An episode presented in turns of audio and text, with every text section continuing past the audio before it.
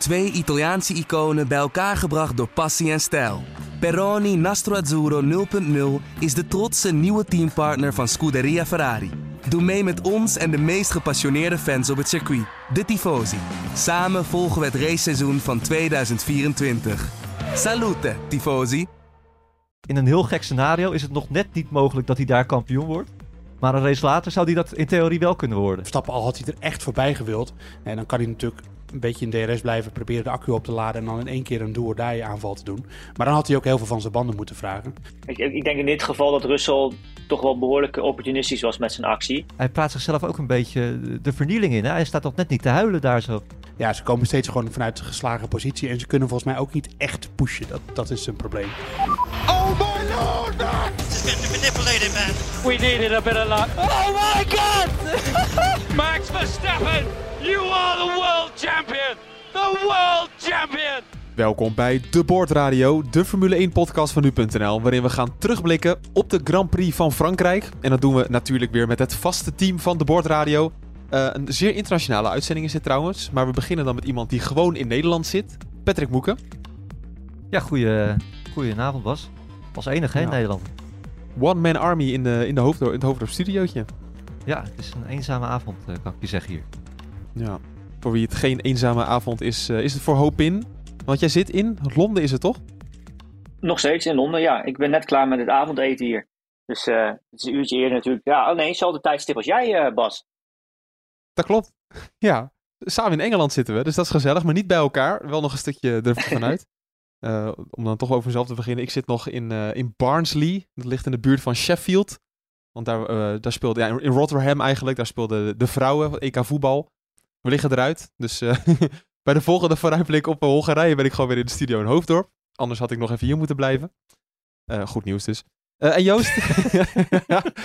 ja, Joost, waar zit jij eigenlijk? Uh, ik zit op dit moment in. nou, de, de, het hotel ligt in een plaatsnaam die ik echt niet uit kan spreken. Maar ik zit in de buurt van Auriol en Aubagne. voor de mensen die de omgeving van Paul Ricard een beetje kennen, dan. ja, het, het, het ligt net niet aan de zuidkust, maar net erboven. Oké, nou goed om te weten. Je was dus daar op het circuit en je hebt gezien dat Verstappen zijn race heeft gewonnen. Van de 130ste race die hij voor Red Bull heeft gereden. En Joost, ja, eigenlijk zeggen we nu met z'n allen het was een makkie. Maar hij heeft hem wel flink cadeau gekregen. Um, ja, nou ja, kijk, de, de, de, deze race die bouwde zich door het weekend heen op als een, als een duel wat ging komen tussen Verstappen en Leclerc. Uh, dat ging vooral draaien om banden, dat wisten we natuurlijk. En um, ja, we hadden natuurlijk, ik denk eerlijk gezegd, Verstappen en, en, en Christian Horner zei dat in afloop zelf ook. We hadden wel graag willen zien hoe dit, hoe dit zou uitpakken. En ja, dat hebben we niet gezien, want Leclerc die ging de bandenstapels in. Dus uh, zoals Verstappen treffend zei, we zullen het nooit weten.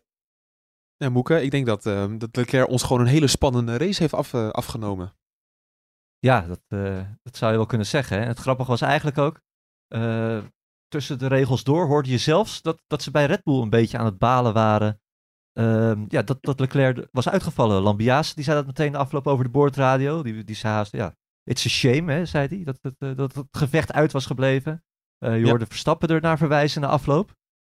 Aan de andere kant is dat ook wel weer een signaal dat ze eigenlijk ook wel geloven dat ze die titelstrijd al hebben gewonnen. Want ja, als je zo ver voor staat in het kampioenschap uh, en dat soort uitspraken doet, ja, dan, dan maak je je geen zorgen meer over de uitkomst van dit kampioenschap. Ja, het hoop in, zo is het misschien wel een beetje. Hè? De Red Bull zal nu wel het zelfvertrouwen hebben dat het helemaal aan hun kant ligt. Nou ja, zevende overwinning natuurlijk. 63 punten voor op Charles Leclerc. Um, dat is natuurlijk, als je, dat is natuurlijk een, een absoluut aantal heel erg veel. Maar als je natuurlijk kijkt ook naar het aantal punten wat Charles Leclerc in totaal heeft, 170, uh, is dat natuurlijk procentueel van wat hij tot nu toe heeft gescoord ook behoorlijk veel. Dus in alle opzichten zit het natuurlijk echt een gigantisch gat. En uh, ja, we hebben natuurlijk wel eens eerder dit seizoen gehad over betrouwbaarheid. En dat het natuurlijk nog steeds wel enigszins broos is bij uh, de twee topteams op dit moment. maar ja, in dit geval is natuurlijk, hij kan letterlijk twee keer uitvallen. En dan staat hij nog steeds re redelijk comfortabel aan de leiding. en dan moet ja, Leclerc ook nog winnen natuurlijk. Ja, ja. ja, het is echt. Uh, ja, ik zit te denken. Joost die weet dat waarschijnlijk beter dan ik. Wanneer is dat uh, voor het laatst gebeurd, Joost, zo'n voorsprong? is nou, dat, ooit dat, gebeurd? Uh, nee, ik weet het niet uit mijn hoofd, dat geef ik meteen toe. Maar ik denk dat dat, dat moet ergens in de Hamilton, de gouden Hamilton-jaren zijn geweest. Dus, ja. En dan denk ik vooral 2017, 2018, dat, eh, of 2019 misschien. 220 natuurlijk, dat eh, Bottas natuurlijk Hamilton vooral niet bij kon houden. En eh, ik ga gewoon alle Ja. jaartallen noemen en dan heb ik er zelf een goed. Ja, en, en de Schumacher jaren natuurlijk ook, hè? De, de Michael Schumacher jaren. Ja, daarvoor ook. Ja, die, ook, eh, ja. die Ja. was ook eh, ver al aan de horizon verdwenen. We zijn natuurlijk pas halverwege, nou, we zijn halverwege het seizoen, bijna. Dus ja, op zich eh, is het natuurlijk ook nog, is, het is natuurlijk ook niet, eh, het kan nog groter worden, het gat. als, het zo als het zo doorgaat, dan wordt het gewoon groter. Dat moet ik ook wel zeggen, want uiteindelijk was het zo, denk ik, dat in de race zag Verstappen er toch ook wel behoorlijk race uit achter eh, Leclerc, vond ik. Ja, ik heb nog een statistiek ehm, die misschien wel de dominantie van Verstappen qua punten wel ehm, typeert. Namelijk, in de laatste negen races heeft Verstappen 109 punten gewonnen op Leclerc. Dat is eigenlijk het verschil. Nou, trek je dat nog eens negen races voor, dan hebben we helemaal geen kampioenschap meer. Ehm, maar Moekie, dat, dat maakt het gewoon een beetje bizar, toch? Dat, dat Verstappen zo ver is uitgelopen, terwijl eigenlijk Red Bull niet per se de snelste auto heeft. Nou, wat je zegt, ja, als je puur aan scorebordjournalistiek doet, dan kan je zeggen dat het gewoon een heel dominant seizoen is voor Verstappen. Maar als je kijkt wat er allemaal gebeurt op de baan, ook dit weekend weer eigenlijk, waarin, nou ja, het zat in ieder geval heel dicht bij elkaar eh, qua race snelheid. En in de kwalificatie was Leclerc gewoon weer, ja, toch wel een duit, een duit sneller dan, eh, dan Verstappen. Ja, eigenlijk is het dan echt totaal bizar dat Verstappen al zo'n gigantische voorsprong eh, heeft. Ik zat, eh, ik zat wel eventjes, ik was even in de cijfers gedoken eh, voorafgaand aan deze uitzending. Want ik, ja, ik was wel benieuwd. We gaan natuurlijk binnenkort naar Zandvoort. Ehm, en in een heel gek scenario is het nog net niet mogelijk dat hij daar kampioen wordt. Maar een race later zou hij dat in theorie wel kunnen worden. Ja. Dus moet je nagaan als dat, ja, als, als, dat, als dat zo doorgaat. Moet, dan moet Leclerc wel uitvallen natuurlijk en Verstappen alles winnen. Maar het geeft wel aan dat, eh, ja, dat, eh, dat de verschillen gewoon eh, groot zijn. Ja, het is haast een beetje Michael Schumacher tijd. Hè? Die werd ooit een keertje in Frankrijk voor de zomerstop wereldkampioen. Ja, dat is. ah, en toen waren er wel minder races natuurlijk. Maar het is, ja, het is, het is bizar eigenlijk hoe ver Verstappen voor staat. En helemaal met die verschillen die we op de baan zien. Ja, nou, we gaan het over die verschillen zo meteen hebben. Maar eerst gelijk maar gewoon even over de crash van Leclerc praten. Ehm, Joost, ja, wij dachten nog misschien ligt het aan zijn gaspedaal. Misschien ligt het nog aan zijn auto of aan de motor. Maar hij zei volgens mij bij jou in de mixzone dat, ehm, dat het gewoon zijn eigen fout was, hè? Ja, hij stak de hand in eigen, eigen boezem en eh, hij, hij, hij ging zelfs nog verder, want hij zei ik hoor niet thuis op dit niveau. En dan bedoelde niet dat, niet dat hij geen Formule 1-coureur kan zijn, maar hij weet natuurlijk zelf dat er heel veel gevraagd wordt. Of wil je eh, vechten met jongens als Max Verstappen, Lewis Hamilton, dat niveau. Eh, Hamilton heeft natuurlijk nu een mindere auto, maar we weten wat hij kan. Ehm, en ja, het belangrijkste daarbij is geen fouten maken. Dus eh, hij nam het zichzelf heel kwalijk, want hij, hij maakte wel een fout. Al was het wel een beetje vaag, want in het begin eh, op de boordradio zei hij meteen dat het iets met zijn gaspedaal was. En, eh, en later was toch de conclusie dat hij het allemaal zelf had gedaan. En Binotto die, die zei van ja, het was it was a mistake by Charles. Dus eh, er was duidelijk gekeken misschien in de data hoe, hoe er met het gaspedaal, hoe er met het gaspedaal was omgegaan of zo. Dat konden ze, kunnen ze natuurlijk gewoon zien. En, Ja. ehm, en, en ja, de conclusie was eigen schuld, dikke bult. Ja, Hopin, jij was eh, eh, enthousiast aan het twitteren. Want jij zocht natuurlijk naar de verklaring waar het fout was gegaan bij Leclerc. Nou, uiteindelijk geeft hij dus zelf al zijn eigen fout toe. Maar toch, wa- wa- wat zag jij nou eigenlijk op de beelden? Ehm, nou ja, kijk, ik, ik ben altijd van mening als ze met een verklaring komen, en zeker als rijder ook zijn, dat hij eh, fout heeft gemaakt, dan moet je dat gewoon geloven. Ehm, wat ik wel grappig vond, dat is eigenlijk zijn eerste reactie die ik ergens vond, was dat hij zei van, maar ik moet nog wel eerst de data bekijken. Ja. Ik weet dus niet of hij dat daarna gedaan heeft, dat hij toen nog standvastiger was in zijn eh mening dat het inderdaad zijn eigen fout was. Maar wat mij eigenlijk opviel is, ik heb, ik heb een paar keer eh, eh, teruggekeken, want ik zat eigenlijk om op mijn mobiele telefoon te kijken, want ik was niet achter een televisie of achter mijn computer. Ehm, en wat me opviel is dat als je zeg maar die, die bocht ingaat, Le Bosset, dat is die dubbele rechter, die heel lang, die neem je met heel veel snelheid eigenlijk ga je daar op de entry ga je erin. En daarmee creëer je eigenlijk haast een soort van onderstuur in de auto. En eh, je ziet hem dus ook zeg maar langzaamaan wijd gaan, maar wat je ziet van het beeld van buitenaf is dat hij al een heel vroeg stadium, dat die twee achterwielen, dat die zeg maar strepen beginnen te trekken. En dat betekent natuurlijk dat er een soort van slip optreedt. Dat, dat, dat, zie, je, eh, dat, dat zie je normaal gesproken niet als je gewoon normaal die bocht rijdt. Ehm, dus op dat moment was al iets aan de hand. Hij was al of iets dat die auto dus enigszins aan het oversturen was, of iets van slip was, door wat voor reden dan ook. Ehm, maar als je dan op de onboard keek, en dan, dan moet je een beetje de referentie kijken van waar de auto zit ten opzichte van de, de, de witte lijn eigenlijk. op de onboard, op het moment dat hij die strepen trekt, die auto, zie je Leclerc nog helemaal niet corrigeren. Houdt hij nog gewoon dezelfde stuurhoek aan, eigenlijk die hij normaal ook zou hebben. En pas op, een, op een gegeven moment in één keer zie je hem dus dat hij spint. Ehm, Ja. Hij gaf zelf achteraf later als verklaring aan van ja, ik heb de auto relatief ehm, eh, overstuurd afgesteld. En daardoor was het ook voor mij heel moeilijk dit weekend om constante ronden en te rijden. Maar ik vond het wel, ja, ik vond het wel frappant. Eh, om, zeker omdat natuurlijk, hij was al relatief laat in zijn stint eigenlijk voor die banden. eh, op, zijn mediums. Hè. En eh, ja, Verstappen zei het ook al een aantal keer in de race van ik weet zeker dat nu de linker voorhoorn bij iedereen kapot is. En, en dat is ook, dat, dat is eigenlijk wat je gewoon verwacht op dit circuit. Dus het is relatief onlogisch dat je daar zo op die manier spint. Met overstuur eigenlijk. Dat hebben we namelijk ook geen andere rijders zien doen dit weekend. Voor zover ik me kan eh, eh, herinneren in ieder geval. Ehm, dus ja, dus ik begon meteen een beetje te kijken van ja, die twee achterwielen, die trekken strepen. Is daar misschien iets technisch toch aan de hand of zo? Eh, ik las inderdaad ook achteraf die commentaren van het gaspedaal. Maar dat had volgens mij gewoon te maken met het feit dat hij dus in de bandenstapel stond, weg wilde rijden. En ja, dat het gaspedaal het eigenlijk niet deed. En dat, dat is natuurlijk omdat het Ja. allemaal met sensoren werkt tegenwoordig. Ik dacht in eerste instantie misschien dat hij niet in zijn versnelling zou gaan. Dat heb je namelijk wel eens. Dus achteruit is relatief beschermd eigenlijk op een versnellingsbak bij een Formule 1 auto. Omdat het een hele kleine versnelling is eh, voor gewichtsbesparing. Ehm, valt hij er soms heel moeilijk in. En dan moet je even gas geven en dan in één keer kl- klakt hij er wel zeg maar in. Maar in dit geval was het officiële commentaar van Binotto. eh, ja, er een, zit een beschermingssysteem omheen. Dat wist Charles niet, maar er was niks mis mee. Maar goed, dat ja, moeten we dan maar geloven. Natuurlijk. Ja, we moeten het ermee doen eigenlijk, inderdaad. Dat het dan toch een, Ja. een fout was van hemzelf. Ehm, ja, Joost haalde het al even aan, eh, en die is voor jou, Moeke. Want ja, is hij het da- dan wel waard om op dit niveau te kunnen rijden? Is hij dan wel wereldkampioenschap waardig, eigenlijk? Ja, nou, dat, dat laatste zal hij natuurlijk nog moeten bewijzen, hè, zolang hij nog nooit eh, kampioen is geworden. Maar wat wel opvalt, en dat hebben we ook al ja, eerder in het verleden gezien, eh, dat hij altijd heel erg streng is voor zichzelf als hij een keer een foutje maakt. En ik ben er eigenlijk, kijk, dat je zelf kritisch bent is goed.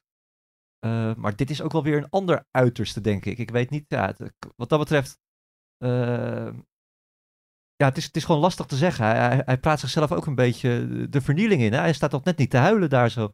eh, na afloop. In Azerbeidzjan zei hij ook de I am stupid quotes, hè? De, de beroemde I am stupid quote. Ja, daar, lijkt dit, daar lijkt dit ook wel weer een, een beetje op. Ja, het is, het is goed dat, dat hij de hand in eigen boezem steekt, hè? dat hij zo door het stof gaat. Maar hij moet ook wel een klein beetje relativeren. En ja, dit hoort er gewoon bij. En je kan een keer een foutje maken. En zijn team heeft natuurlijk ook genoeg fouten gemaakt. Hè? Ehm, ja, hij, hij mag wel iets minder streng zijn voor zichzelf, eh, denk ik zo. Ja, Joost, hij gaf het zelf ook al aan in het interview van... Ja, ik ben natuurlijk in Imola ook al gespind. Dat zei Leclerc in ieder geval. Dat kost me in totaal, als je het bij elkaar optelt, 32 punten. Nu met dit erbij en dan Imola. Ja, aan het einde van de race kan dat gewoon je kampioenschap kosten, toch? Ja, zeker. Eh, en ik bedoel, aan de ene kant streng zijn voor jezelf is misschien, eh, zoals de mate waarin Leclerc dat doet, is, is misschien een beetje overdreven. Maar aan de andere kant, ja, eh, het is wel zo. Ik bedoel, kijk, ik, het lijkt mij vooral heel frustrerend dat je, nou, hij rijdt natuurlijk, sinds wanneer rijdt hij mee? Sinds 2018. Eh, dit is het eerste seizoen waarin hij echt een auto heeft waarmee hij mee kan strijden om de titel. Dat is wat hij zelf ook aanhaalde.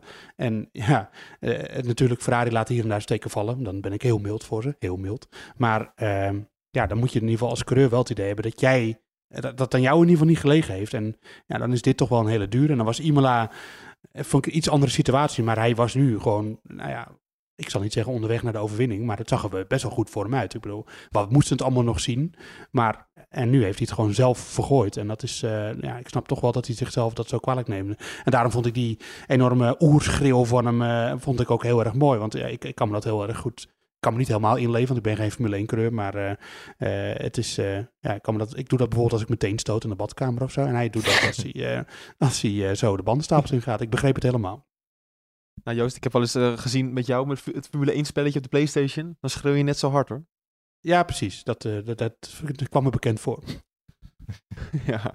Maar je hebt het al over de, de, de krasverschillen in, in de race. Zullen we het daar eens even over hebben? Want ehm, het leek in die eerste acht rondjes, hoop in, er heel erg op dat Verstappen ja, eigenlijk een beetje aan het spelen was, zelfs met Leclerc. En dat hij eigenlijk een beetje zat te wachten op het juiste moment om er voorbij te komen. Ja, je zag toch wel duidelijk dat de Verstappen had, leek wat meer snelheid te hebben. Natuurlijk is dat ook wel enigszins vertekend af en toe. Zeker op Sporicard, waar je natuurlijk heel erg veel last hebt van die wind vaak. Uh, dan, Ja. ja. DRS, als jij binnen blijft, win je natuurlijk relatief veel mee. Um, dat gezegd hebbende, met, met deze temperaturen is het natuurlijk ook zo dat je dan tegelijkertijd je banden echt behoorlijk uh, een, nou ja, oververhit raken daardoor. en dat, volgens mij gaf het zelf ook aan dat hij op een gegeven moment toch iets meer afstand nam. om, om toch wat meer te koelen ook. En um, dus maar je zag ook wel duidelijk dat Verstappen, hij probeerde het wel zeg maar, maar en dan natuurlijk ook niet zoveel risico. Omdat je ook natuurlijk weet dat de race relatief lang is nog. En zeker met het verloop van de race ook, als je dus weet in je achterhoofd dat het echt zo'n uh, slijtageslag gaat worden qua banden. Um, kan het maar zo zijn natuurlijk dat een van beiden op een, op een ander moment in de problemen komt. En dan rijden relatief makkelijk voorbij. Dus dan zou je natuurlijk jezelf voor je hoofd staan als je in een vroeg stadium veel risico neemt. Dus ja, ik dacht, vond hem relatief sterk eruit zien. In ieder geval, laat ik het zo zeggen, het zag er een stuk sterker uit dan in de kwalificatie. En zeker veel sterker dan uh, wat we natuurlijk in Oostenrijk hebben gezien qua race snelheid. Ja, vooral dat, want dat bleef, bleef bij ons een beetje hangen. Uh, toch ook moeken, want we hebben eigenlijk de hele week aan Oostenrijk gedacht. Van, uh, ja, je zal maar weer niet dezelfde situatie met die banden krijgen. Maar dat nee, probleem blijft wel opgelost. Ja, zeker. Dat, uh, dat, dat zei Verstappen donderdag ook al in zijn vooruitblik. Uh, ja, dat, dat het toch een, een groter probleem was. Hè? Het, het, hele plaatje klopte, het hele pakket klopte daar niet. Uh, en dat was ook te zien. de, de race pace zag er prima uit, kunnen we wel zeggen. Ik heb ook niet gezien dat hij... Nou, hij kon natuurlijk ook rustig rijden.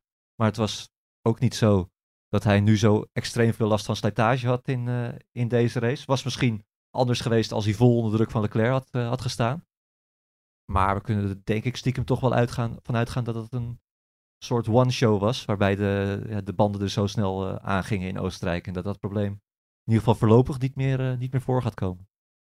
Nee, en toch dat moment dat Verstappen voorbij Leclerc wilde gaan voor de crash. Uh, Joost, je zag natuurlijk dat de Red Bull heel erg koos voor die tweede sector, hè, voor topsnelheid. Zodat ze ja. er voorbij konden komen. Maar waarom lukte het nou niet? Um, nou ja, ik, uh, ik denk dat het in ieder geval te maken heeft met de tractie van de Ferrari. En ook wel de, de downforce natuurlijk. Want die twee of die, die de belangrijkste DRS-zone, dus die voor de chicane, zeg maar, die, daar gaat natuurlijk wel een hele bochtige sectie aan vooraf. En je zag vaak wel dat Verstappen dan in sector 1 er wel naartoe kroop, maar dan kwamen die bochten daar. En dan zeker die slingerbocht het rechte stuk op. Daar ging Leclerc gewoon net iets beter doorheen, waardoor hij steeds net genoeg marge had om, om, uh, om voor te blijven. En dan kwam die chicane, dan heb je weer dat tractiemoment. En dan had hij net genoeg marge om, um, om uh, ja, het helemaal vol te houden tot aan de bocht 11, 12. Um, Alleen, kijk, ja, Verstappen al had hij er echt voorbij gewild. En dan kan hij natuurlijk een beetje in DRS blijven, proberen de accu op te laden en dan in één keer een do-or-die aanval te doen. Maar dan had hij ook heel veel van zijn banden moeten vragen. En hij voelde de banden al heter en heter worden. En daar had Leclerc natuurlijk minder last van, want die reed niet in de, werf, in de vuile lucht van een ander. Um, dus uh, ja, en het, het, viel mij uiteindelijk mee, want als je gekeken naar de cijfers uit de kwalificatie dan, en die waren natuurlijk nog vertekend omdat Leclerc een toe had gehad en uh, zat de Ferrari er echt best wel ver af. Maar uh, uh, ja, toch net genoeg berekend, denk ik, voor de, op een hele ronde om, om ervoor te blijven. En dat, alleen als je die strategie gebruikt, dan blijft track position wel heel belangrijk. Want ik weet zeker dat als de Red Bull er één keer voorbij was gekomen en één keer dat voordeel had gehad, dat Leclerc er nooit meer voorbij was gekomen met, met die toch wat langzamere Ferrari.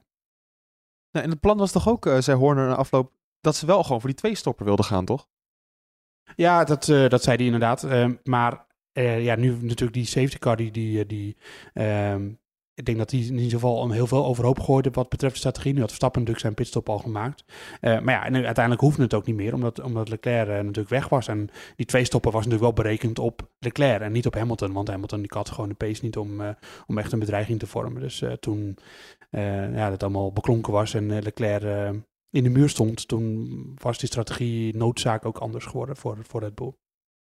Ja, je hebt het over iemand die de pace niet had. Dat was dan Hamilton. Althans, een goede race, maar niet om, uh, om uh, Verstappen en Leclerc bij te houden. Maar wie dat ook niet kon, hoop in, dat was Sergio Perez. Wat waren we de eerste vijf ja. races lovend over hem. En natuurlijk ook in Monaco. Hij kon een bedreiging vormen voor Verstappen. Maar het is weer een beetje de oude Perez aan het worden. Ja, de verschillen zijn natuurlijk best wel groot. Hè? Dit weekend, eigenlijk het hele weekend, liep hij behoorlijk achter de feiten aan. En in de kwalificatie was dan af en toe dat je dacht van, oh, hij zit er nu in één keer dichterbij. Maar als je ja. dat een beetje nauwkeuriger bekeek, kwam natuurlijk gewoon dat Verstappen uh, een foutje maakte. In Q2 maakte hij bijvoorbeeld een fout in de laatste bocht. Daardoor stond Perez geloof ik anderhalf tien of zo achter maar. Uh, uiteindelijk was hij gewoon te langzaam op alle fronten. En ja, was gewoon niet goed genoeg, denk ik. Uh, liet zich natuurlijk ook uh, enigszins piepelen door, door George Russell na de virtual safety car. Um, dus ja, nee, al, al met al niet een, een heel goed weekend natuurlijk. Zeker niet als je bedenkt dat eigenlijk de Red Bull op dit moment, in ieder geval, dat moet niet zeggen dit moment, maar in ieder geval bij deze race, in de race zelf, denk ik de snelste auto was. Ja, Moeke, we, vaak, we hebben een, nou ik moet even denken, we hebben een kop gehad van een podcast een paar uitzendingen geleden. En er stond iets van in van Perez is de ideale teamgenoot voor Verstappen. Ja. Um, moeten we die kop al gaan aanpassen? Nou, dat is wel heel erg opportunistisch. We mogen nog wel iets langer de, de tijd geven, vind ik. Maar ja, uh, ja, het is natuurlijk wel zonde. Dat, uh, want eigenlijk uh, was het een ideale kwalificatie weer voor, voor Red Bull. door die gridstraf van Sainz weliswaar. Maar in principe was het natuurlijk 2 tegen 1 als, ja, als, als Perez gewoon een goede start had gehad. Want dat, ja, dat was natuurlijk niet zo. Hij kwam meteen achter die Mercedes te zitten, waardoor Verstappen er weer alleen voor stond. Nu moet ik wel zeggen, ik denk wel dat ze. Het, is, ja, het is eigenlijk heel jammer dat we dat, we dat niet hebben gezien vandaag. Maar die strategie van Red Bull pakt denk ik toch wel weer goed uit. Want ook toen Leclerc crashte, ehm, was Verstappen door die undercut, zat hij er eigenlijk al virtueel voor. Hij was ja. zo snel op die, op die nieuwe banden. Dus ik had eigenlijk ook al wel het idee dat Ferrari daar al een beetje de, de boot had gemist. Om het zo maar even ja, te zeggen. Dat, ja, precies. Dat is ook wel zo. Um, ja, natuurlijk die crash gooide, gooide ja, volledig roet in het eten. Dus uh, dat is heel erg jammer voor de race in ieder geval. Wel um, uh, mooi de, wie dat voorspeld had, hè? Die, de... ja, ik heb hem ja. opgeschreven. Zullen we er eens even naar gaan luisteren, ja, Patrick gooi, Moeken? Gooi er maar in, ja. Kom maar door. Want uh, kijk, we weten natuurlijk wat het podium is geworden. Maar um, dit zei jij, wanneer was het? Dinsdag al, want we hebben toen eerder opgenomen dan normaal. Dinsdag over de Grand Prix van Frankrijk. Komt hij aan? Ik denk dat Verstappen zijn revanche pakt, dat hij toch weer gewoon gaat winnen. Ik denk wel dat uh, Russell tweede eindigt. En Zo? ik denk dat Hamilton het podium completeert. Nee joh. Ik denk dat Leclerc gaat uitvallen. Hoppa. Nee, dat is niet leuk voor het kampioenschap. Nee, het is niet leuk voor het kampioenschap, maar met die hitte. En zo gaat het altijd bij Ferrari. Ze hebben nu weer helemaal de flow en ze denken van ja, het gaat gebeuren. We, gaan het, het, we komen er weer bij. En er gaat weer, of er gaat een pitstop mis. Het, het, het gaat niet goed komen. Dus zo werkt het, helaas. Okay. Nou, misschien doe je wel een Tom Coronelletje. Dat zou grappig zijn. Hij heeft ja, ook ja, een keer ja, goed, wat goed voorspeld hoor. Oh. Ja. jongen, jongen. Ere bij ere toekomt. Ja, gewoon Met, met, met de detail van de uitvalbeurt, hè? Ja, dat, je toch, dat is toch, toch knap. Ja. ja. Het maakt je week weer maar, goed. had je verwacht dat het uh, met, uh, ja... Ja, ik, ik, had, ik had eer, eerlijk gezegd verwacht dat het nog meer door gepruts van Ferrari, van Ferrari ja, zelf zou komen. mechanische problemen. Ja, maar uh, nee, dit, uh, dit had ik ook niet helemaal verwacht. Maar ja, dat uh, moet ik eigenlijk nu niet gaan vertellen. Want ja, even van dit, even van dit moment genieten. Ja, ik maakte toen een geintje van, het, je, je kan een soort Tom Coronelletje doen. Wat hij natuurlijk deed in 2016 bij de race in Barcelona met Verstappen. maar het kwam inderdaad wel perfect uit. Maar ook echt wel goed gezien, uh, Moeke, dat die twee Mercedes'en eigenlijk laten zien dat ze gewoon weer absoluut het derde team zijn. Dat was natuurlijk aan het begin van het seizoen ook wel anders. Ja, ja, nou ja, al denk ik dat ze wel altijd in dat, in dat gebied gezeten hebben. Ze zijn nu wel, uh, ja, ze zitten een beetje in dat niemandsland, hè. Ferrari en uh, Red Bull zijn nog wel te ver weg. Alhoewel, uh, we zagen natuurlijk wel Perez die het moest afleggen tegen die twee Mercedes'en. Dus eigenlijk kun je zeggen dat Verstappen nog te ver weg zit, samen met de twee Ferrari-coureurs. Ja, maar ja. Daar, horen ze, daar horen ze ook thuis. Hè. Het, het is eigenlijk, ik vind nog te eigenlijk dat het lang duurt voordat ze erbij komen. Ik had toch wel verwacht dat ze nu al in deze fase van het seizoen uh, iets verder zouden zijn. Want aan de kwalificatie was het ook gewoon een, een volle seconde. Ja, dat is een ja. vertekend beeld hoor, van de Mercedes. Ja, precies. Ja, mm-hmm. kijk, uh, ze, die, ze hebben vrijdag en zaterdag hebben ze eigenlijk alleen maar geklaagd dat er geen snelheid in de auto zat. En dat ze nog een groot gat hadden. En Hamilton die zei na afloop in de persconferentie ook alleen maar dat hij onder de indruk was van hoe snel Verstappen wel niet bij hem wegliep op de rechte stukken. Um, uh, je hebt nu natuurlijk Sainz die van achter moet komen, die uh, echt ongelukkig in een verkeerde pitstop werd strategie werd gedwongen door die safety car. En Perez die gewoon een slecht weekend had en die zelf ook alleen maar heeft toegegeven dat hij een slecht weekend had. En dat, ja, daardoor, en Leclerc die uitvalt, ja, dat, dat zijn eigenlijk drie auto's die er normaal voor zitten niet optimaal presteren of niet optimaal in de positie komen om te presteren. Als ik het over Sainz heb, dus ja, die hadden er normaal gewoon alle, alle drie voor gezeten. Ze hebben gewoon het geluk dat er eigenlijk elke race wel één of twee Red Bulls en Ferraris uitvallen. Dat is het, maar uh, ze komen nog steeds veel tekort hoor. Dat is, uh, dat, dat, en dat beamen ze eigenlijk zelf ook wel. Maar ze, Joost, ze zijn in de race natuurlijk wel een stuk relatief gezien beter dan ze in de kwalificatie zijn. Dat bleek deze race ook wel weer, vond ik. En de kwalificatie ja, nee, was het gat natuurlijk echt enorm. Als je naar Formule 1, Formule 1 termen kijkt. En ik had een beetje bij te houden. Want na ronde 6 zag ik dat. Ik, ik dacht, ik schrijf het even op. Hamilton was toen 6 seconden was het gat tussen Verstappen en Hamilton. En in ronde 11 was dat nog steeds 6 seconden. Dus dat, op een gegeven moment leek het zich wel enigszins te settelen. Op het moment dat mensen problemen beginnen te krijgen met banden. Ze, zijn, ze, ze lijken nog steeds in de race goed te zijn qua banden. Dat, dat moet ik wel zeggen. Nee, dat klopt inderdaad. Daar, daar hebben ze, dat hebben ze goed in de vingers. Alleen in de, in de, ja, ze komen steeds gewoon vanuit geslagen positie. En ze kunnen volgens mij ook niet echt pushen. Dat, dat is een probleem. Uh, en als je niet kan pushen, dan is dat strategisch natuurlijk een nadeel. Want je kan geen keiharde outlaps rijden of keiharde inlaps rijden. Uh, en in de kwalificatie komen ze gewoon veel te kort. En dat, uh, ja, dat zijn toch nog wel een paar fundamentele dingen. Maar inderdaad, we hebben, ja, we hebben dat eerder in Barcelona gezien al. Dat, dat Hamilton eigenlijk qua race pace het best wel bij kon houden. Maar ja, dan nog kon hij eigenlijk Verstappen die natuurlijk gewoon in management modus, bandenmanagement modus en waarschijnlijk met de motor een paar eh, standjes teruggeschroefd, toch nog wel vrij makkelijk bij Hamilton vandaan rijden. Want volgens mij was het 10 seconden even goed na die late virtual safety car. Dus ja, het, uh, het is uh, oké, maar dit, die twee mannen op het podium in die zwarte pakken, dat uh, vertekenen wel het beeld een beetje van hoe het er eigenlijk daadwerkelijk voor staat. En het had eigenlijk één iemand van in een Red Bull, of natuurlijk twee, in een Red Bull auto, outfit moeten zijn. Maar ja, toen kwam het moment met de virtual safety car inderdaad. Uh, Perez reed op de derde positie. Uh, had al natuurlijk uh, Russell een tijdje achter zich. En ja, Joost, wij hebben hier ook een video van nu.nl over gemaakt. Dus jij hebt je er helemaal in verdiept. Um, het leek alsof Perez aan het snurken was. dat hij helemaal niet bij de les was. Maar er is iets fout gegaan, toch? Uh, ja, uh, er moest nog wel even worden uitgezocht wat er nou precies ge fout gegaan is. Er zit in ieder geval een oh. systeem in de auto van de FIA die, dat een coureur vertelt van, uh, dat er een virtual safety car is. hij krijgt natuurlijk ook een delta-tijd waar hij zich aan moet houden, die gewoon een, een veel langere rondetijd is dan, dan normaal, waardoor de auto's langzamer gaan rijden. En daar moeten ze zich aan houden. dus dan mag je niet ja. boven of onder zitten. en hij krijgt natuurlijk ook signaal, een soort groen lampje van dat de safety car is ending en je mag weer vol op het gas. En die kreeg Leclerc, of uh, Leclerc, uh, Perez, die kreeg die al in bocht 9, als ik het, uh, als ik hem, want ik stond wel bij ja. hem, maar ik kon, uh, startte net ja, iemand een brommer, dus ik kon hem niet goed horen. Dat zijn zomaar uh, de situaties waar je als journalist mee te maken hebt. Um, ja. En, um, Lijkt wel een coureur met je excuses. Ja, zeker. ik zit vol excuses. Dat, ja, maar gaspedaal bleef vast. dit is nog niks. Dit is nog niks. Maar in ieder geval, hij zei dus bocht 9 en hij kreeg het te horen, dus een bocht 9, maar het was eigenlijk bocht 15. Dus toen was hij uh, te ver, veel te veel gas gaan geven. Toen moest hij weer gaan remmen om weer binnen de delta-tijd te komen. En terwijl hij nog aan het remmen was, was, was Russell natuurlijk lekker op gang gekomen. En die had juist net, zat al wel ruim onder zijn delta, dus die kon tempo maken. Ja, toen ontstond er een groot snelheidsverschil en toen zat hij er meteen naast. Dus, uh, en uh, ja, daar was Perez niet helemaal over te spreken na afloop. Hij was sowieso uh, uh, de mopperende Mexicaan, uh, want hij gaf korte antwoorden. En hij vond trouwens wel, als ik dat meteen erbij mag zeggen, dat die aanval van Russell, daar was hij wel een klein beetje boos over in de chicane. Dat, dat het meer bijna misging. Hij zei ja, als ik niet de uitwijk en de chicane afsnijd, dan gaan we allebei, vallen we uit. Maar hij vond ook weer niet dat er de wedstrijdleiding daarna moest kijken, want hij vond het gewoon wel een racing incident. Dus dat vond ik even goed nog wel weer sympathiek van onze Mexicaanse vriend. Ja, Moek, het viel mij op hoe boos Russell was bij die actie. Terwijl ik dacht, ja, je zit zelf aan de, aan de binnenkant en je neemt zelf het risico, toch? Ja, dat vonden de stewards ook, want die, uh, ja, dat was geen reden om, uh, uh, om actie te ondernemen. Ja, ik, had me, nee. ik verbaasde me er ook wel een klein beetje, beetje over. Zo zie je Russell ook eigenlijk niet vaak. Dat is normaal altijd wel een, een coole kikker. altijd rustig. Ehm, ja, ja, Hopin kan dat misschien beter uitleggen hoe dat voor een coureur is. Ik kan me wel voorstellen dat je misschien een soort van kortsluiting krijgt af en toe als je in zo'n gevecht uh, zit. Je beoordeelt het zelf misschien ook niet altijd even uh, neutraal. Maar, uh... Ja, nou ja. Ik, ik, denk in dit geval dat Russell toch wel behoorlijk opportunistisch was met zijn actie.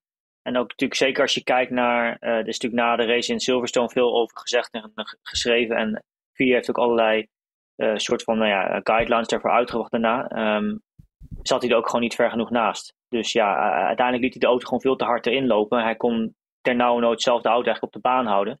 Dus wat dat betreft uh, was hij gewoon eigenlijk... Um, ja, ik kon niet zeggen dat het een divebom was, zoals we het dan zeggen soms. Maar het, het was wel uh, net wat aan de late kant. Te laat geremd eigenlijk, zo zou je het kunnen zeggen. Ja, maar ook de situatie dat hij dan gekalmeerd moet worden door Toto Wolf. Ja, maar hij, ik vind de Russell natuurlijk over het algemeen wel veel op de radio. Is hij altijd wel, komt hij altijd wel veel zo over. En je hoort wel, uiteindelijk hoor je later ook Perez op de radio een paar keer klagen. Dat hij uh, van, uh, ja, Russell ging wijd in uh, bocht 6 en jij ging weer wijd in bocht 6. Dus, dus uiteindelijk weten zij als rijder ook dat de de VIA ook constant zit mee te luisteren. En nou ja, we, we, hebben natuurlijk gezien in Abu Dhabi vorig jaar dat dat ook wel eens invloed kan hebben. Ik wil niet zeggen dat het altijd zo is natuurlijk, zeker niet na, na die race. Maar ja, er wordt, er wordt gewoon naar geluisterd. En, en dat weet iedereen. Ja, ja jammer voor, voor Perez. Um, wel grappig hoe Verstappen nog over de radio vroeg van nou, uh, waar is Perez dan geëindigd? Nou, P4. Nou ja, alsnog uh, goede punten voor het team. Ja. Terwijl je natuurlijk zelf wel weet dat dat niet de bedoeling is. Vond ik, vond ik een geinig detail. Ja, maar ja. Ik weet niet of, je, of ik een bruggetje mag maken, maar laten we even eerlijk zijn. Eigenlijk had het gewoon natuurlijk niet twee Mercedes op het podium moeten zijn, maar had eigenlijk natuurlijk gewoon Carlos Sainz moeten zijn in plaats drie, toch? Carlos Sainz reed een fantastische race. Uh, helemaal opgewerkt naar de, naar de derde positie. En dan besluit Ferrari om hem naar binnen te halen, Joost. Het, het is ongelooflijk. Midden in de inhaalactie met Perez, terwijl hij er al praktisch voorbij is, zeggen ze van kom maar even lekker naar binnen. Wat, wat is dat voor raar gedoe? Nou, ik, de, de manier waarop de, de call tot stand kwam, die was inderdaad raar. Maar ik denk dat die, um, die call zelf, om hem naar binnen te halen, die konden ze wel gewoon verklaren. En ik denk dat ik, uh, dat ik daar wel in meega. Want hij had natuurlijk een tijdstraf van vijf seconden. En er waren nog 10, 12, ronden te gaan. En ze, uh, ja, ze hadden natuurlijk ook de data van de eerste stint van Leclerc. Dus ze wisten wel een beetje hoe lang die, die mediums meegingen. Um, zij hadden, en dat legde Binotto later uit, van bedacht van, nou ja, hij kan gewoon straks waarschijnlijk niet vijf seconden wegrijden bij die twee. Eh, dus dan, wordt hij, dan komt hij erachter en dan heeft hij niet het punt voor de snelste ronde. Dus hij is, er, hij is die pitstop gemaakt. Hij is er nu even goed achtergekomen, maar dat zou, dus, zou hij waarschijnlijk niet op de baan, maar wel in tijd even goed komen. Daar dachten ze bij eh, Ferrari. En dan heeft hij even goed nog een punt voor de snelste ronde. Dus ja, die uitleg die, eh, die begreep ik wel. En dat, dat vond ik niet zo heel raar, eerlijk gezegd. Nee, maar ja, maar, ja, maar uiteindelijk is het natuurlijk wel zo dat, dat ja, ik snap het ook niet zo goed, eerlijk gezegd. Want natuurlijk is het wel. Natuurlijk, achteraf, dat zijn van die analyses die achteraf wel kloppen, vind ik. Maar als je natuurlijk kijkt naar hoe de race zich uiteindelijk ook weer ontvouwde. Uh, dat Perez en uh, Russell uiteindelijk met elkaar in de clinch lagen constant. Dat hij die vijf seconden makkelijk gehad. En wat ik denk ook dit jaar niet moeten vergeten is dat we. een team die, die redeneert natuurlijk vaak ook wel op basis van die data. En wat je zegt, als ze kijken naar die data van de banden van Leclerc. Maar die hadden ze uiteindelijk niet. Want Leclerc die is gecrashed op die set mediums. En normaal mhm. gesproken wat ze doen, die, die, die banden komen van de auto af. Daar heb je natuurlijk van die, die, die gaatjes op zitten, die, die wear, uh, zeg je dat? De indicatoren zijn het eigenlijk op de band zelf, waarin je kunt meten hoeveel er gesleten is. En aan de hand daarvan kunnen ze dan een beetje terugrekenen, ook naar, eh, al naar gelang de brandstof die dan natuurlijk in de, eerste, in de eerste helft van de race dus het stuk hoger is. Hoeveel dan de verwachte levensduur zal zijn van die set aan het einde van de race. Maar ik denk daaraan toegevoegd ook nog eens wel dat dit jaar eigenlijk nog niet één auto hebben gezien die echt van een zogenaamde cliff is gegaan. Hè? Voorheen zag je dat vaker met de, met de oude compound, met de oude formaat band eigenlijk. Dat op een gegeven moment, als je dan van een soort van cliff gaat met die, met die band, dat je echt in één keer 6, 7 seconden per ronde kan verliezen. Uh, maar dat lijkt met deze banden toch wel een stuk nou ja, geleidelijker te gaan. Ik weet niet of je het daarmee eens bent, Joost, maar um, ik vind dat dat, ja. Het leek wel of ze iets te veel risico voor zichzelf inbouwden wat dat betreft. En ik denk dat het enigszins gevoed ook is geweest doordat Science misschien zelf iets te stellig was in zijn feit. Want we weten natuurlijk niet wat al die codetaal van hen is. Hè. Plan A, plan D, hm. noem maar op. Maar um, ze vroegen hem natuurlijk van... De engineer vroeg gewoon Science van wat, wat we denken aan plan A. Wat, wat vind je ervan? En dat natuurlijk zei van ja, uh, we moeten het nu beslissen. Maar volgens mij is, wordt het heel moeilijk. En dat, dat is waarschijnlijk het plan geweest van we gaan het uitrijden op deze set banden. En hij was toen nog in de veronderstelling natuurlijk van ik ga Perez niet inhalen. En ja, het wordt heel moeilijk om dan nog iets ervan te maken, zeg maar. Uh, met deze set banden ook. Maar uiteindelijk, toen hij op een gegeven moment voorbij kwam, um, ja, hadden ze natuurlijk wel kunnen, daar, daar, daarbij kunnen blijven, denk ik. Want ja, het is, zo'n zo'n track position opgeven, ja, is, is, weet niet. Dus voor beide kanten wat te zeggen. ja, precies. Het was, al een, het was al een gok natuurlijk, inderdaad. Want, uh, en ook al een gok die zich uh, ook anders had kunnen uitbetalen. Want ja, je geeft inderdaad wel gewoon die, die podiumplaats weg. Dat is zo. Um, ja, ik, ik weet het ook niet. Ik bedoel, kijk, uh, Sainz die zei na afloop van... Uh, ik voelde wel dat mijn banden wel echt een stuk minder aan het worden waren al. En uh, ik, ik had mezelf ook een beetje afgevraagd of ik het wel ging halen tot het einde. En of hij dan nog vijf seconden weg kon rijden. want dat moeten we echt niet vergeten. En ik weet dat je dat niet vergeet, maar dat is natuurlijk wel belangrijk. We moeten voorbij en dan nog vijf seconden wegrijden. En ook vijf seconden weg blijven. Terwijl je weet dat jouw banden op den duur steeds minder worden. Dus ja, nou ja, dat, ook daar moeten we van zeggen, we zullen het nooit weten, want er is een beslissing genomen en dat haalde Ehm, ja, dat ma maakte het gewoon hard, de situatie. En eh, eh, ik had misschien nog de illusie, misschien als die bij Ferrari zelf ook wel, dat hij er weer bij zou komen. Want hij was op een gegeven moment wel drie, vier seconden per ronde sneller. En eh, ik denk dat die virtual safety car, die hielp dat sowieso om zeep. Ik denk niet dat hij erbij was gekomen, maar hij was wel met rassenschreden aan het naderen. Dus dat, misschien hadden ze dat ook wel een beetje in gedachten, dat dat nog zou kunnen eventueel. Maar dat was wel een hele riante gok. Hij had zelf wel door willen rijden, zei hij in de afloop. Ook wel opmerkelijk. Ja, dat zei hij mij. zei ook van ja, maar het team weet veel meer en heeft veel meer data tot zijn beschikking dan mij. Ja, en, dat uh, moet hij zeggen. Dan, uh, ja. ja, wel. Maar ja, goed. Ja, zo kun je dat is bij een beetje flauw, want als je kijkt nu, ik heb namelijk daar ook notitie in gemaakt. De 139 zei zijn engineer van, we denken plan A. Wat vind je ervan? Toen zei hij zelf, we moeten nu beslissen, maar ik denk dat het heel moeilijk I think it's difficult.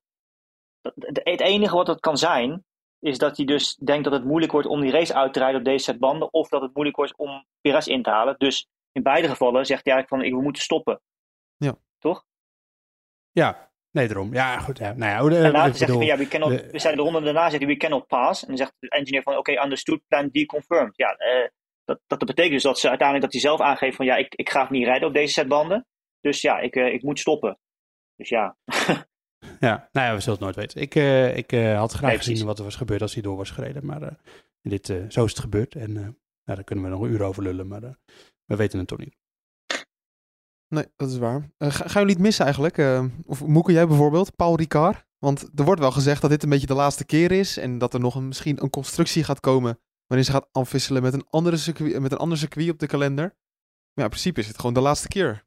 De komende jaren. Nou nee, ik ga Paul Ricard ga ik niet, uh, niet missen. Vandaag wel weer gewoon een leuke race gezien. Vorig jaar was ook leuk. Maar ja, ja. Ik, vind, ik geef mij maar gewoon een lekkere ouderwetse baan met, uh, met grindbakken, gras, uh, een muurtje her en der. Ja, nee, het, ik vind wel dat, dat Frankrijk een Grand Prix hoort te hebben. Hè? Toch een groot, een groot raceland. Maar ja, liever niet op Paul Ricard. Ik zou trouwens ook niet weten waar het dan wel moet hoor. Want Manicourt, ja, nee. dat, dat is ook een beetje vergaande glorie. En verder uh, ja, zijn er niet echt mooie circuits, denk ik. Er werd ooit gesproken over een stratencircuit in Nice. Maar dat was misschien ook een beetje om Monaco een ha hak te zetten. Uh, ja. ja. lastig. Le Mans? Parijs, hè? Er was over gesproken ook. Ja. ja, Formule 1 is ook in Parijs geweest, toch? Ja. Maar ja, ja, nog, nog, ja, nog meer straatcircuits. Het gaat wel die kant natuurlijk op, maar Verstappen heeft zich natuurlijk ook over uitgelaten dit jaar. Ik denk dat het wel goed is om gewoon fatsoenlijke circuits nog te hebben op de kalender. En ja, ik ben persoonlijk ook geen fan van Paul Ricard.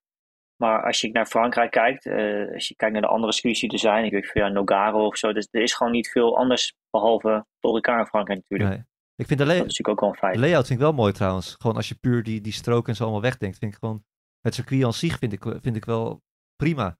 Lange doordraaiers, uh, uh, toch een paar goede mogelijkheden om in te halen. Dat is allemaal op zich wel goed. Alleen ja, ja het ziet er verder gewoon niet uit. En de races zijn ook niet altijd even spectaculair natuurlijk. En hoe is het daar om daar te werken dan, Joost? Want we, we kennen Paul Ricard vooral door de verkeerschaos. Ik heb van jou ja. begrepen dat dat viel nog redelijk mee achteraf, toch? Lekker cool ook, toch? Relatief. Relatief. Ja, nee, het was, uh, het was sowieso uh, was het blaf het hele weekend. Uh, daar kunnen we lang kort over lullen, maar dat was gewoon echt niet te harde. ik heb, ehm, vandaag ben ik wel redelijk wat buiten geweest, maar het was eigenlijk gewoon niet te doen. Het was, ik heb ook nog nooit een paddock gezien die zo rustig was, want mensen die wilden gewoon niet buiten lopen. Dus ehm, ik, ik loop, liep donderdag liep ik al een rondje door de paddock en de pitstraat. En toen voelde ik, en ik heb Nike Air Force One, als mensen dat wat zeggen, met dikke zolen. En ik voelde even goed gewoon de hitte van het asfalt er doorheen gloeien. Gewoon, het was niet normaal. Dus, maar, wat, maar wat is dan warm, Joost? Want ik zit al vier dagen in de regen hier in Engeland. nou, warm was, uh, ja, het was volgens mij iets van 3, 34 graden meestal. En op het ja. midden van de dag wel iets warmer nog. En het asfalt, de asfalttemperatuur lag meestal wel boven de 55 graden. Dus dat was uh, pittig heet. Kan, je, kan je wel een eitje op bakken. Duurt even, maar... Uh, um, nee, en qua verkeer, ja, uiteindelijk viel het wel mee, de relatief aan de verwachting. Nou, wij waren samen ook in Silverstone. Ik, het was ongeveer hetzelfde als Silverstone. Dus... Uh, Oh. En Silverstone uh, is niet berucht om de verkeerssituatie, maar daar kan het natuurlijk ook gewoon een Jan Bol zijn. En dat was het hier uiteindelijk ook. Alhoewel ik het wel het idee had dat ze het allemaal wel geregeld hadden. Er waren allemaal ideeën. En het, het, er zat wel eens echt een idee achter. Met bussen en met eh, politieagenten. Van die Franse politieagenten. Die natuurlijk. Die, geen, er zijn geen agenten die zo goed op een fluitje kunnen blazen als Franse politieagenten. En dus dat deden ze heel enthousiast. En het verkeer doorjagen en zo. Dus dat ging allemaal wel. En eh, het, het, ja, ik heb er vanmorgen heb ik een half uur over gedaan om het te komen. Een half uur extra bovenop de normale tijd. En net eh, heb ik een uh, sluiproute via de snelweg de andere kant opgenomen. Dat ging ook wel oké. Dus het, het was uiteindelijk allemaal te zien. Of het, het te doen. Uh, maar ja, zoals een fietsplan zoals in Zandvoort, dat kan niet gewoon niet. Want je kan mensen het niet aandoen om uh, uh, 15 kilometer over een slingwegje naar boven en dan daar je fiets nog te parkeren. Dat, dat kan je mensen niet, mij niet in ja. ieder geval. Ik red dat niet. Dan, dan mogen zou haast een etappe in de Tour de France kunnen zijn. Precies. Mooie ja. klim. Ja, Nee, want dan mogen jullie me gewoon naar de colofon van nu.nl schrappen, want dat overleef ik waarschijnlijk niet. Um, en, uh, um, Zou ik wel beelden van willen zien. Joost is zo'n fietspakje. Ja, Help je op. ik ook. Strak uh, zonder bril erbij. Ja, geweldig. Ik heb gewoon een racefiets hoor. Ik, ik, ik, zit er nooit op, maar ik heb er wel een. Maar, uh, en... Uh, ja, die hangt aan de muur bij jou thuis als decoratie. Ja, precies. Ja, ja, antwoorden de banden plat. Ja. Uh, de faciliteiten in, uh, in, uh, in Le Castellet, waren op zich allemaal prima.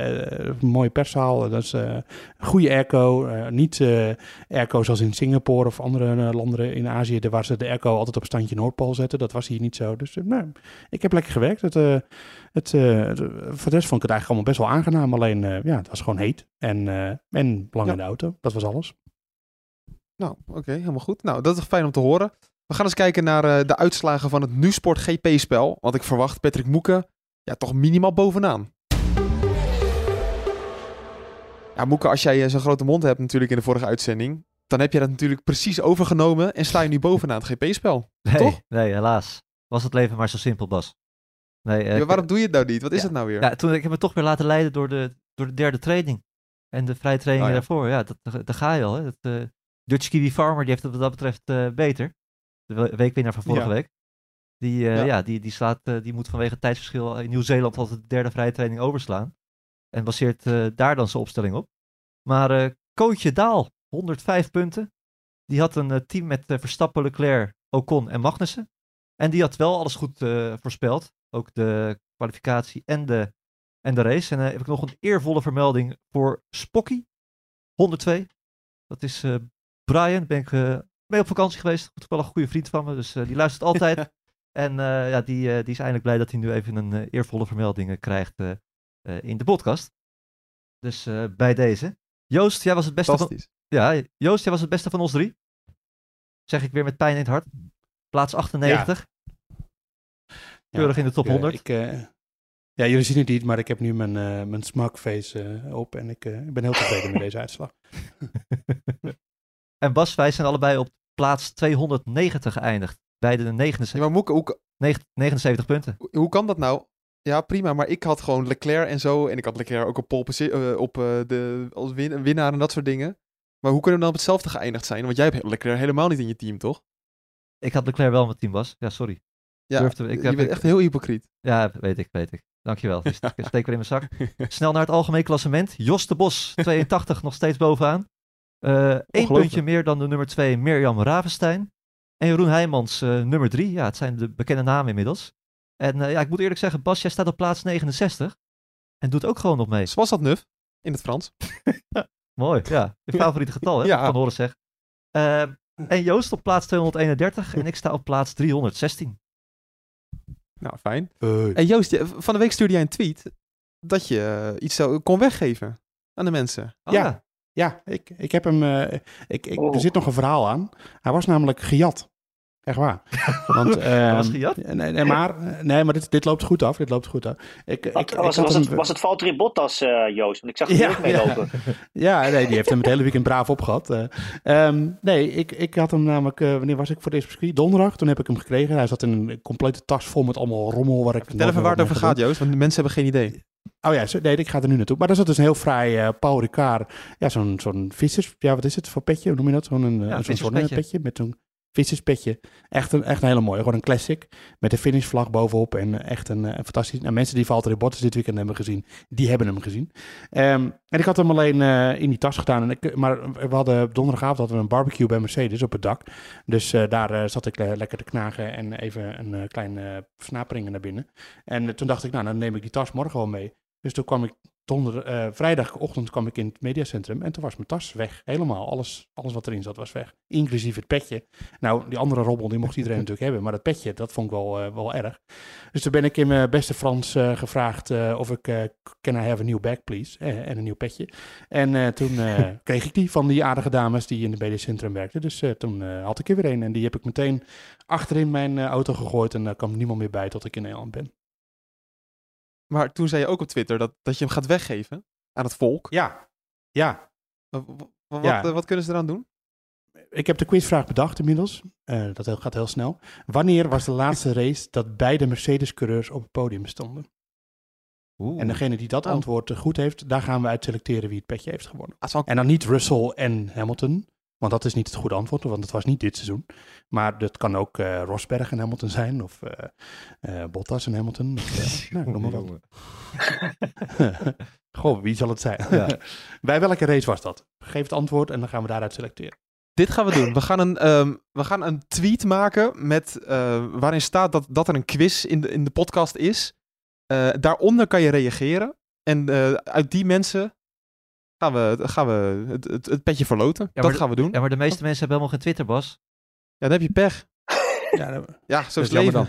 Ja? Ja, maar ik heb hem ook alleen maar laten zien via Twitter en daar reageerden de mensen op. Dus dat vind ik wel net zo eerlijk. Oké, nou ja. Oké. Okay. Ah, fijn. Even nog een statistiekje, om, we gaan een beetje afronden.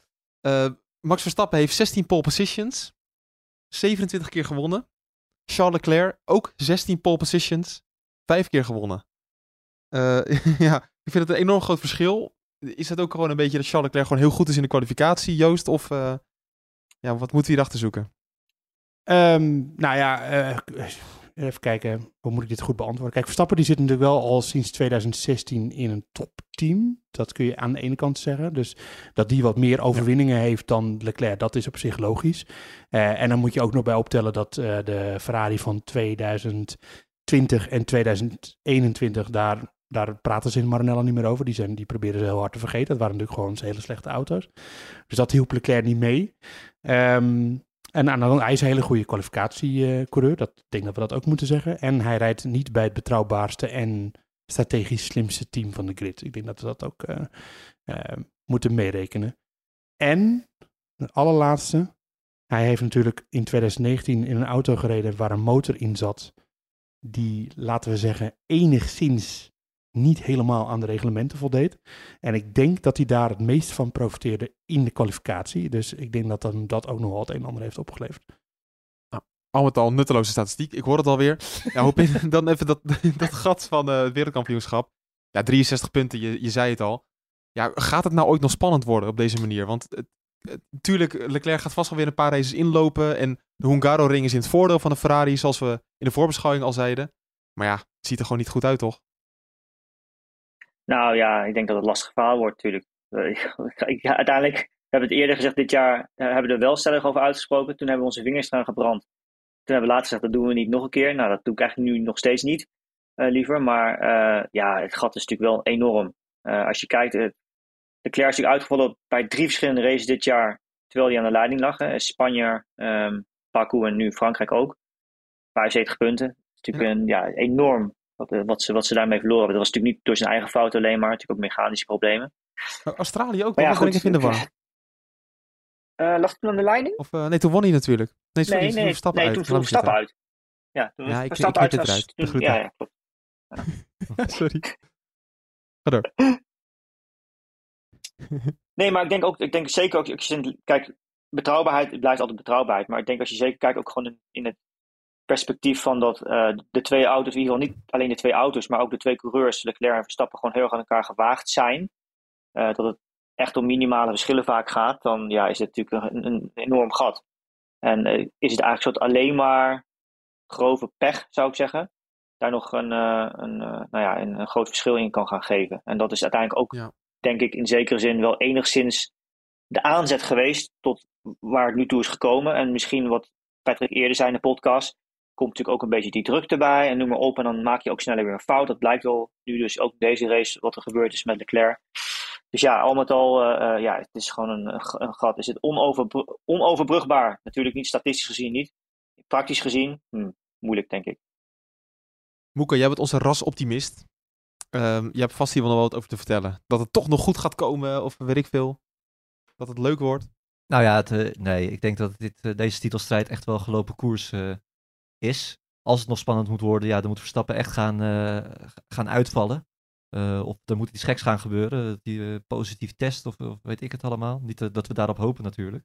Ehm, en ik denk ook niet dat we heel ver van het punt verwijderd zitten dat voor veel teams al de focus weer op volgend jaar gaat. Dat ga je natuurlijk ook krijgen. Dus wanneer gaat Ferrari zeggen van ja, we, geloven het eigenlijk wel, we gaan de handdoek werpen. Uh, stoppen bijna met, ja, het is natuurlijk wel zo dat de auto's van volgend jaar een doorontwikkeling zijn van de auto's van dit jaar. Dus wat dat betreft loont het ja. wel om deze, deze auto's te blijven mm -hmm. ontwikkelen.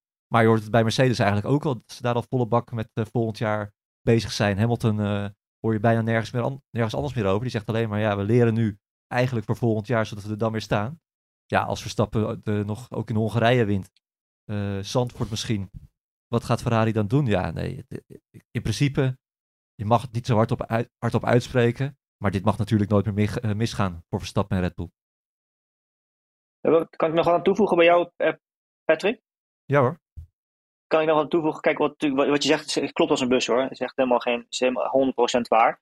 Uh, het is wel zo natuurlijk dat dat met de huidige budgetcap wellicht iets minder groot is dan het in voorgaande jaren was natuurlijk.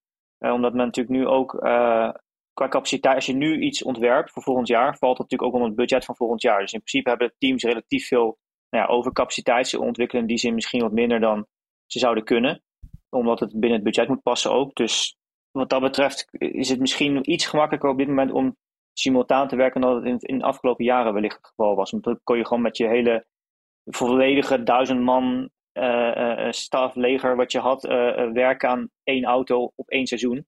En nu ja, kan je dat gewoon toch gewoon iets makkelijker splitsen waarschijnlijk, omdat ook die kosten weer gesplit zijn. Ja, precies. Ja, nee, ja. goed punt. Ben benieuwd. Ja. Waarvan akte? We, gaan we gaan het meemaken. Um, we gaan toewerken naar de Grand Prix van Hongarije. En uh, Moeke, jij bent erbij. Yes. Ik zou zeggen, alvast veel plezier daar. Komt goed. Wordt ook warm, zag ik al. Dus uh, gaan we het beleven.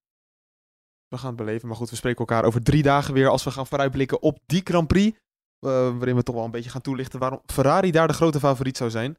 Nou, dan wens ik alleen hoop in nog een fijne avond vanuit Londen en Joost vanuit Frankrijk. Yes.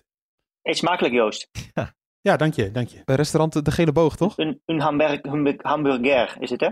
Ja, ja ik, uh, ik ga nog even uh, uit nood uh, langs zo'n restaurant waar je ook langs kan rijden. En dan krijg je even goed eten. Je moet wel langzaam langs rijden, maar dan uit een of ander raampje komt er dan wat. Daar ga ik zo even heen. Nee, er is mij alleen nog te zeggen van uh, vergeet vooral niet om ook te abonneren op uh, de podcast. Uh, dan krijg je een melding. Althans, hoor ik bijvoorbeeld van mijn vader dat hij niet altijd een melding krijgt. Daar is hij een beetje boos over. Maar ja, dat, daar kan ik helaas niks aan doen. Maar in principe krijg je wel een melding als je erop geabonneerd bent. Plus, dan komen we hoger in de hitlijsten. En dat willen wij natuurlijk super graag. Want dan is het alleen maar leuk. En ja, heb je nog vragen? Podcast.nu.nl natuurlijk kan je bij terecht. En vergeet vooral niet antwoord te geven op de quizvraag van Joost. Want dan win je zo'n kek vissershoedje. En dat wil je natuurlijk. Hey. Ik zou zeggen tot de vooruitblik van Hongarije. Tot uh, volgende week. Tot dan.